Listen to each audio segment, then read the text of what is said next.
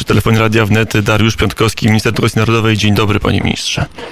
Dzień dobry, witam Państwa. E, to od tych odchodzących ministrów zacznijmy. Rekonstrukcja rządów dzieje nam się sama. Miała być na koniec sierpnia, potem na koniec września, teraz myśli o październiku, ale zdaje się, że rekonstrukcja nie chce czekać na plany kierownictwa partii. Widać, że część ministrów e, miała już jakieś wcześniejsze uzgodnienia z panem premierem i e, kierownictwem partii i stąd publiczne decyzji najpierw pana ministra e, Szumowskiego, potem pana ministra Czaputowicza. Zresztą z tego co pamiętam, pan minister Czaputowicz już wcześniej powiedział, Miesiąc że, temu mniej więcej. Tak, tak, także że dużo wcześniej już zasygnalizował, że jego misja w rządzie się kończy. No ale też trzeba było miesiąc czekać na tą dymisję, teraz nie ma jeszcze następcy, chociaż o godzinie 17.45 premier zapowiedział swój briefing prasowy, prawdopodobnie e, dotyczący właśnie zmian w rządzie. No a z drugiej strony nad pana resortem e, taka, jest takie widmo, krąży widmo połączenia resortu edukacji e, z resortem nauki, być może również z resortem kultury. To ma się stać przy okazji dużej rekonstrukcji pewnie na początku października. To też pewnie buduje niepokój w ministerstwie. Generalnie wszelkie zmiany organizacyjne, także i kadrowe, e, lepiej, żeby były dokonywane niż zapowiadane z dużym wyprzedzeniem, bo budzi to jakiś niepokój, przynajmniej pracowników poszczególnych resortów, e, ale i także samych osób kierujących tymi resortami, więc no, tak jak mówiłem, najlepiej, żeby tego typu decyzje zapadały w miarę e, szybko. I mam nadzieję, że pan premier oraz kierownictwo partii te decyzje podejmą. Jak one będą wyglądały, zobaczymy. Kierownictwo tak partii to także pan minister, żeby była jasność, bo pan minister jest także posłem, ale e, szefem struktur Prawa i Sprawiedliwości na Podlasiu. Tak, ale tego typu decyzje raczej podejmują już władze centralne, a nie regionalne. Y, I to one będą tutaj miały decydujący głos wraz z panem mm, premierem. Także czekamy spokojnie na te decyzje, natomiast warto, aby były one w miarę szybko, bo to daje e, perspektywę działania i też e, wiadomo, które rzeczy kontynuować, a które rzeczy, jeżeli byłby nowy minister, chciałby jakoś inaczej poprowadzić. No ale to jest tak, że pan czuje dyskomfort, czy urzędnicy czują się niepewni, kiedy e, codziennie czytają w prasie, że być może będzie Ministerstwo Edukacji, a być może go nie będzie, będzie wchłonięte, połączone z innym. Jak to wpływa na jakość rządzenia? Y, na pewno wykonujemy swoje zadania. W tej chwili przygotowujemy się przede wszystkim do powrotu uczniów do szkół i to jest duże wyzwanie, budzące także duże y, Ale do tego jeszcze przejdziemy, panie ministrze, bo to jest ważny Natomiast temat, ale... Na pewno, na pewno tego typu dywagacje w mediach powodują, że także urzędnicy o tym rozmawiają. To jest oczywiste. A jest jakiś sens w takim dużym ministerstwie, które połączy naukę i szkolnictwo wyższe ze szkolnictwem podstawowym i ponadpodstawowym, bo kiedyś był już taki resort. Z jednej strony są pewne elementy, które łączą, na przykład kształcenie nauczycieli, to jest ten element, który łączy oba ministerstwa. E, część działań Ministerstwa Kultury dotyczących e, świadomości historycznej, postaw patriotycznych łączy z tym, co robi Ministerstwo Edukacji i pewne elementy się uzupełniają, ale są także ogromne części uregulowane zupełnie odrębnymi ustawami, e, na tyle duże, że mm, trudno kierować z jednego miejsca. Natomiast no, pan premier ma ogląd e, całości sytuacji e, i być może uznają, że jest potrzeba łączenia, aczkolwiek e, gdyby powstał super czy super, super resort. Na pewno osobie, która by kierowała takim ogromnym resortem, nie byłoby łatwo e, dopilnować każdej z dzieci, która taki resort by tworzyła. E, pana ministra zdaniem, bo już pan e, kilkanaście miesięcy, ma kilka lat zarządza Ministerstwem Edukacji Narodowej i pewnie ma pan wyrobiony własny pogląd. To jest dobry pomysł. Kultura, nauka, szkolnictwo wyższe, edukacja w jednym super, super resorcie, jak pan minister powiedział. Dobry tak pomysł? Jak mówi, tak jak mówi mówiłem, na pewno byłyby problemy z takim bezpośrednim, osobistym nadzorem jednego ministra nad tymi wszystkimi dziedzinami, gdyby miało dojść do połączenia e, kilku e, resortów. Natomiast można także wyobrazić sobie łączenie jakichś fragmentów, e, czy inny podział kompetencji pomiędzy tymi resortami. To także w, w tych dywagacjach pojawiało się chociażby Ministerstwo Sportu, które też w jakiś sposób część zadań wykonuje wspólnie z Ministerstwem Edukacji, bo przecież no, dotyczy to no, nauczycieli WF-u, inwestycji w szkołach, wielu programów, które skierowane są do młodzieży, a więc też jest jakiś okres wspólnych działań poszczególnych ministerstw. No, na pewno warto o tym rozmawiać, tylko z punktu widzenia funkcjonowania ministerstw dobrze, aby te decyzje były podejmowane w miarę szybko. To jeszcze jedno nietaktowne pytanie w ramach rekonstrukcji rządu, bo mamy wysyp, no wysyp w ciągu dwóch dni, dwie e, dymisje, dwa odejścia z rządu, to jednak jest sporo i to bez dużej rekonstrukcji.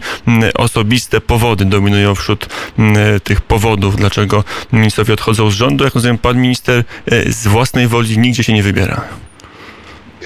Czekam spokojnie na decyzję premiera i kierownictwa partii. Każdy z ministrów jest w dyspozycji pana premiera.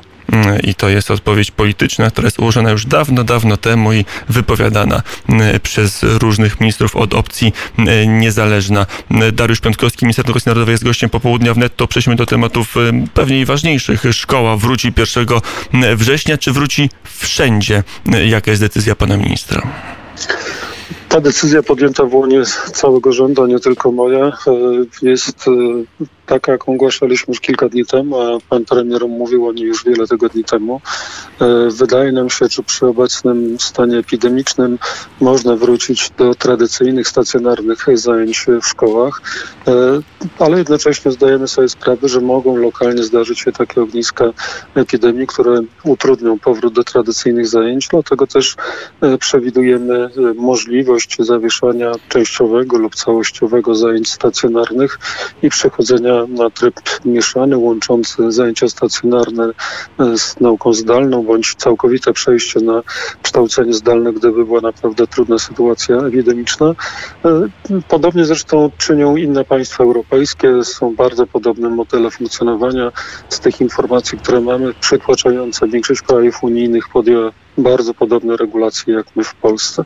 Minister edukacji zachowuje także uprawnienie do tego, aby e, podjąć decyzję o ewentualnym zawieszeniu zajęć w skali całego województwa, czy nawet całego kraju, gdyby była taka potrzeba, ale dziś po konsultacjach z inspektorem, głównym inspektorem sanitarnym oraz ministrem zdrowia e, wydaje się, że spokojnie możemy wrócić do tradycyjnych, standardowych e, zajęć. Chociaż z drugiej to... strony przerwę panu ministrowi, jakby ktoś spojrzał bez emocji społecznej, bez przyzwyczajenia się nas wszystkich do koronawirusa, spojrzałby na zimno, na liczby, chociażby liczbę codziennych nowych zakażeń, to e, kiedyś my szkoły zamykali, to było 100, 150, pod 200 zakażeń codziennie, teraz mamy ponad 700. Logiki Ale nie widać. wtedy też e, nie wiedzieliśmy za dużo o samej epidemii. Ten swego rodzaju lockdown dokonał się praktycznie w całej Europie i potem ogromnej części e, świata. E, I e, ta nieznajomość epidemii też na pewno wpływała na e, decyzje, które wtedy podjęto. Trzeba brać pod uwagę także taki pewien element psychologiczny.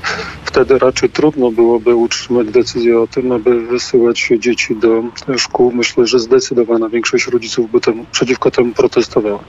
Dziś trochę już z epidemią się oswoiliśmy.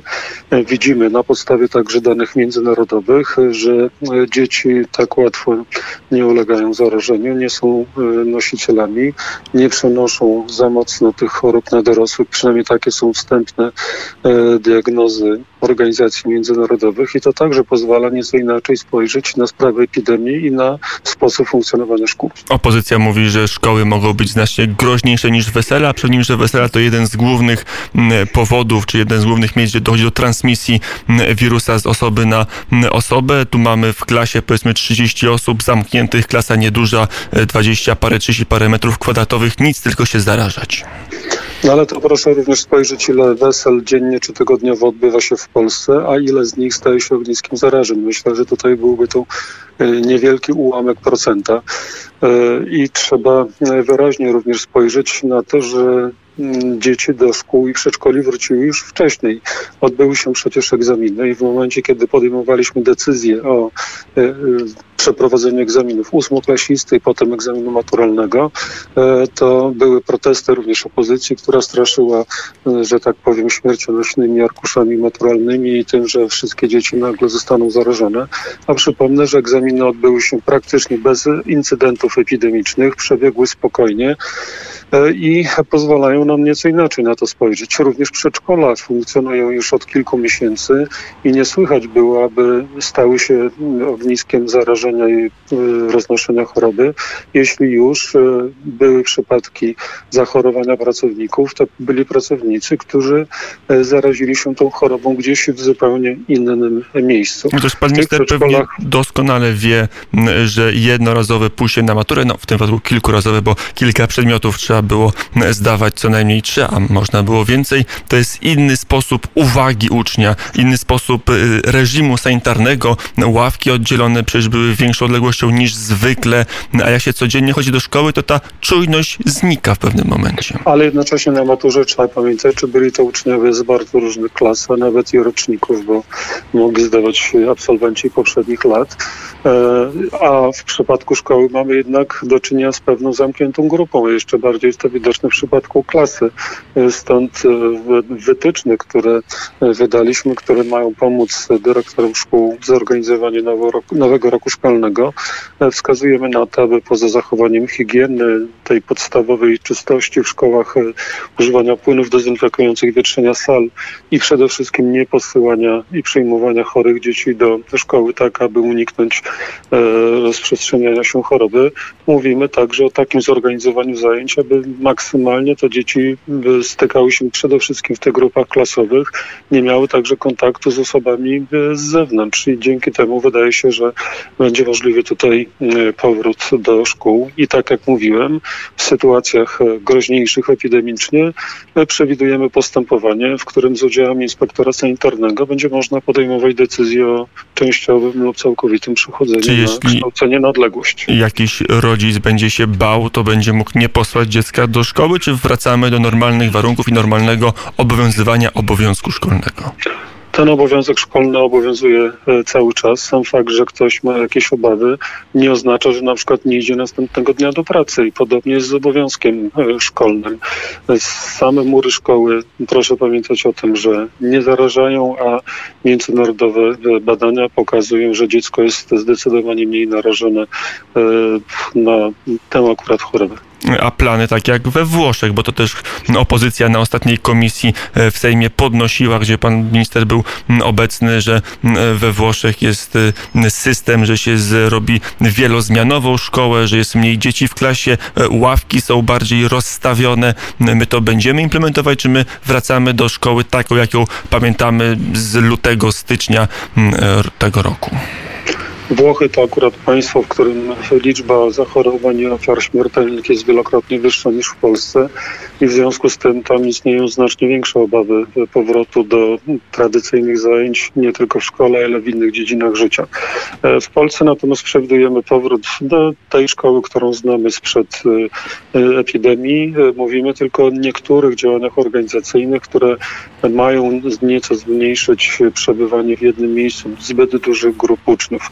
Na przykład wspominamy o tym, że e, e, poszczególne klasy mogą rozpoczynać zajęcia e, w różnych godzinach. Jeżeli któryś z dyrektorów uzna, że ze względu na wielkość szkoły, na przykład noszenie osłony nosa i ust w przestrzeniach wspólnych, takich jak korytarz czy klatka schodowa albo szatnia są potrzebne, to również taką regułę może wprowadzić. Tylko musimy pamiętać, że te szkoły są bardzo różne, bo są szkoły na terenach wiejskich, w których uczy się na przykład 30 czy 50 uczniów i są wielkie szkoły, w których jest kilkuset czy nawet ponad tysiąc uczniów i nie można było dla wszystkich y, takich placówek wydać jednobrzmiących e, nakazów. Sam fakt, że gdzieś na przykład w okolicach Szczecina ktoś zachoruje, e, wcale nie oznacza, że pod Rzeszowem trzeba zamknąć szkołę. Dlatego też e, podjęliśmy decyzję, że de ewentualne przechodzenie na kształcenie zdalne z powodów epidemicznych musi być uwarunkowane no, większą liczbą zachorowań na terenie danego powiatu lub gminy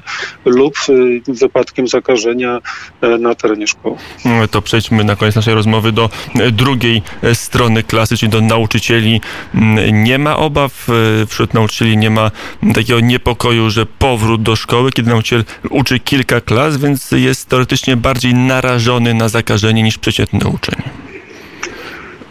Wydaje nam się, że ta transmisja nie powinna być duża. Przypomnę, że nauczyciel e, jednak jest w pewnej odległości od pozostałych e, e, uczniów. Jeżeli któryś z nauczycieli czuje się zagrożony, może na przykład założyć przyłbicę, która pozwala na w miarę swobodną oddychanie, a jednocześnie na taki kontakt werbalny. My kierujemy się także skutecznością kształcenia na odległość. Doświadczenia polskie, ale także i europejskie, światowe wyraźnie e, pokazują to, o czym już mówiłem kilkakrotnie, że kształcenie na odległość e, ma jednak swoje e, ograniczenia, nie tylko sprzętowe, ale także mentalne i także negatywne skutki społeczne. I to trzeba także brać pod uwagę przy podejmowaniu decyzji o powrocie do tradycyjnych zajęć. Chociaż w czerwcu, jak rozmawialiśmy na antenie Radia Wnet, kiedy w maju, kiedy zbliżały się matury, w maju, w czerwcu, wtedy pan minister powiedział, że nie ma obaw, że będą uczniowie, abiturienci zasobo przygotowani, że nauka zdalna to też nauka. Wyniki matur pokazały, że ten rocznik był gorzej, słabiej przygotowany do egzaminu dojrzałości. Po pierwsze, egzaminy z poszczególnych lat nie są do końca ze sobą porównywalne i proste porównanie procentów jeszcze o wszystkim nie świadczy. E, po drugie, widzimy po, tej, po tegorocznej maturze, że liczba uczniów zdających na bardzo wysokim poziomie, powyżej 80%, jest wyższa niż w ubiegłych latach. Ale też jest grupa uczniów, która nie zmobilizowała się, a przypomnę, że egzamin czy ósmoklasisty, czy także egzamin maturalny, zwłaszcza ten ostatni, zdawany już praktycznie przez e, dorosłych, jest egzaminem zdawanym przez poszczególnych uczniów, a nie przez ministra edukacji. Jeżeli uczeń nie przygotuje się do tego egzaminu, nie powtórzy e, wiadomości, no to jego wyniki będą słabsze. Ale to mogło pokazywać się... przerwę panu ministrowi, że e, wprowadzamy dysproporcje. Te domy, gdzie jest, no powiedzmy, gdzie jest słabiej wykształcony rodzic, albo nie ma takiej kultury intelektualnej nauki, miał trudniej, nie miał szkoły, nie miał miejsca, może nie miał internetu dobrego i nagle słabsi no, mieli jeszcze trudniej w tym... E, panie redaktorze, ja przypomnę, że E, przeszliśmy na kształcenie na odległość e, w drugiej połowie marca. Obowiązek realizacji podstawy programowej e, dla szkół pojawił się 25 marca. Pan minister też szkoły, zdawał maturę szkoły, i wie, że szkoły do maturalne, ale też szkoły, klasy maturalne zakończyły edukację w końcu kwietnia, czyli około miesiąca był okres kształcenia na odległość. I wcześniejsze miesiące ci uczniowie przecież normalnie chodzili do szkoły, kontaktowali się z nauczycielem, realizowali podstawę programową. E, teraz jeszcze dodatkowo mieli kilka tygodni e, więcej czasu na to, aby przygotować się do egzaminu. Ja wiem, że ten ostatni okres przed maturą jest szczególnym okresem, którym zwłaszcza się uczniowie przygotowują e, do egzaminu. I jak widać, część wykorzystała ten czas dobrze. Jeszcze lepiej, gdyby już tylko brać pod uwagę procenty zdawalności i osiągnięć uczniów na maturze, przygotowała się lepiej niż w poprzednich latach, ale część rzeczywiście tego czasu nie wykorzystała i potraktowała niestety ten okres jako po prostu wolny. Jako dodatkowe ferie. To jeszcze pytanie dotyczące budżetu, bo mamy wyliczenia deficytowe, mamy projekt nowelizacji budżetu na rok bieżący, deficyt prawie 110 miliardów złotych. Kwota zawrotna nigdy w Polsce nie spotykana, ale w relacji do PKB to nie jest najwyższy najwyższy deficyt, jaki mieliśmy, znacznie wyższe były w latach 2012 y, czy 2013 w tej relacji do e, PKB, rzecz jasna, ale jest też y, stanowisko, że budżetówka w tym roku żadnych podwyżek nie dostanie, z wyjątkiem nauczycieli. Jak to będzie wyglądać? No znowu nieprawda. Budżetówka taką podwyżkę już dostała w kwietniu tego roku. E, wówczas pan premier wyraźnie mówił o tak zwanych prawach nabytych i to był jeden z głównych powodów, dla których utrzymano wzrost wynagrodzeń w sferze budżetowej i na podobnych zasadach utrzymano także wzrost wynagrodzenia nauczycieli e, od września tego roku. Ten wzrost wynagrodzeń nauczycieli jest zapisany w ustawie budżetowej. E, my dlatego między innymi zmieniliśmy rozporządzenie mówiące o wzroście wynagrodzenia zasadniczego nauczycieli, które jest w tej chwili w konsultacjach społecznych. Podwyższamy to wynagrodzenie zasadnicze e, e, o 6%. W przypadku nauczyciela dyplomowanego będzie to około 270 e, zł. Jest to realizacja tych zapowiedzi, które były w roku poprzednim. Czyli tu żadnych zmian nie będzie, bo prawdą jest, że jest zapowiedź premiera, taki jest cytat, mogę panu ministrowi przytoczyć, że w najbliższym okresie nowych podwyżek dla budżetówki nie będzie. No, myślę, że stan budżetu mm, powoduje jednak, że mamy poważne ograniczenia i o jakichś gwałtownych wzrostach wynagrodzeń w administracji nie można myśleć. Mm, To będzie ostatni mm, element. E, Dariusz Piątkowski był mm, gościem popołudnia wnet. To jeszcze tego dopytam o ewentualne strajki. Nie wiem, na ile pan minister jest w kontakcie ze związkami, zwłaszcza z tym związkiem wojującym z partią rządzącą, czyli ze Związkiem Nauczycielstwa Polskiego. Jest wrzenie wśród nauczycieli, czy ten rok już będzie spokojny, będzie bez strajku? Bo być może także strajk nauczycielski miał wpływ na to, że matury poszły co nieco gorzej w tym roku. To dobrze pan o tym przypomniał. Przypomnę, że jeszcze w poprzednim roku był kilkutygodniowy strajk, kiedy uczniowie w ogóle żadnych zajęć nie mieli, także i zajęć zdalnych. I to także mogło mieć wpływ na ostateczne wyniki czy ósmoklasistów, czy maturzystów w tym roku. Natomiast ja nie widzę w tej chwili żadnego powodu, aby nauczyciele strajkowali. Mm, Powiedział minister edukacji narodowej Dariusz Piątkowski. Dziękuję bardzo panie ministrze za rozmowę. Dziękuję również. Mm,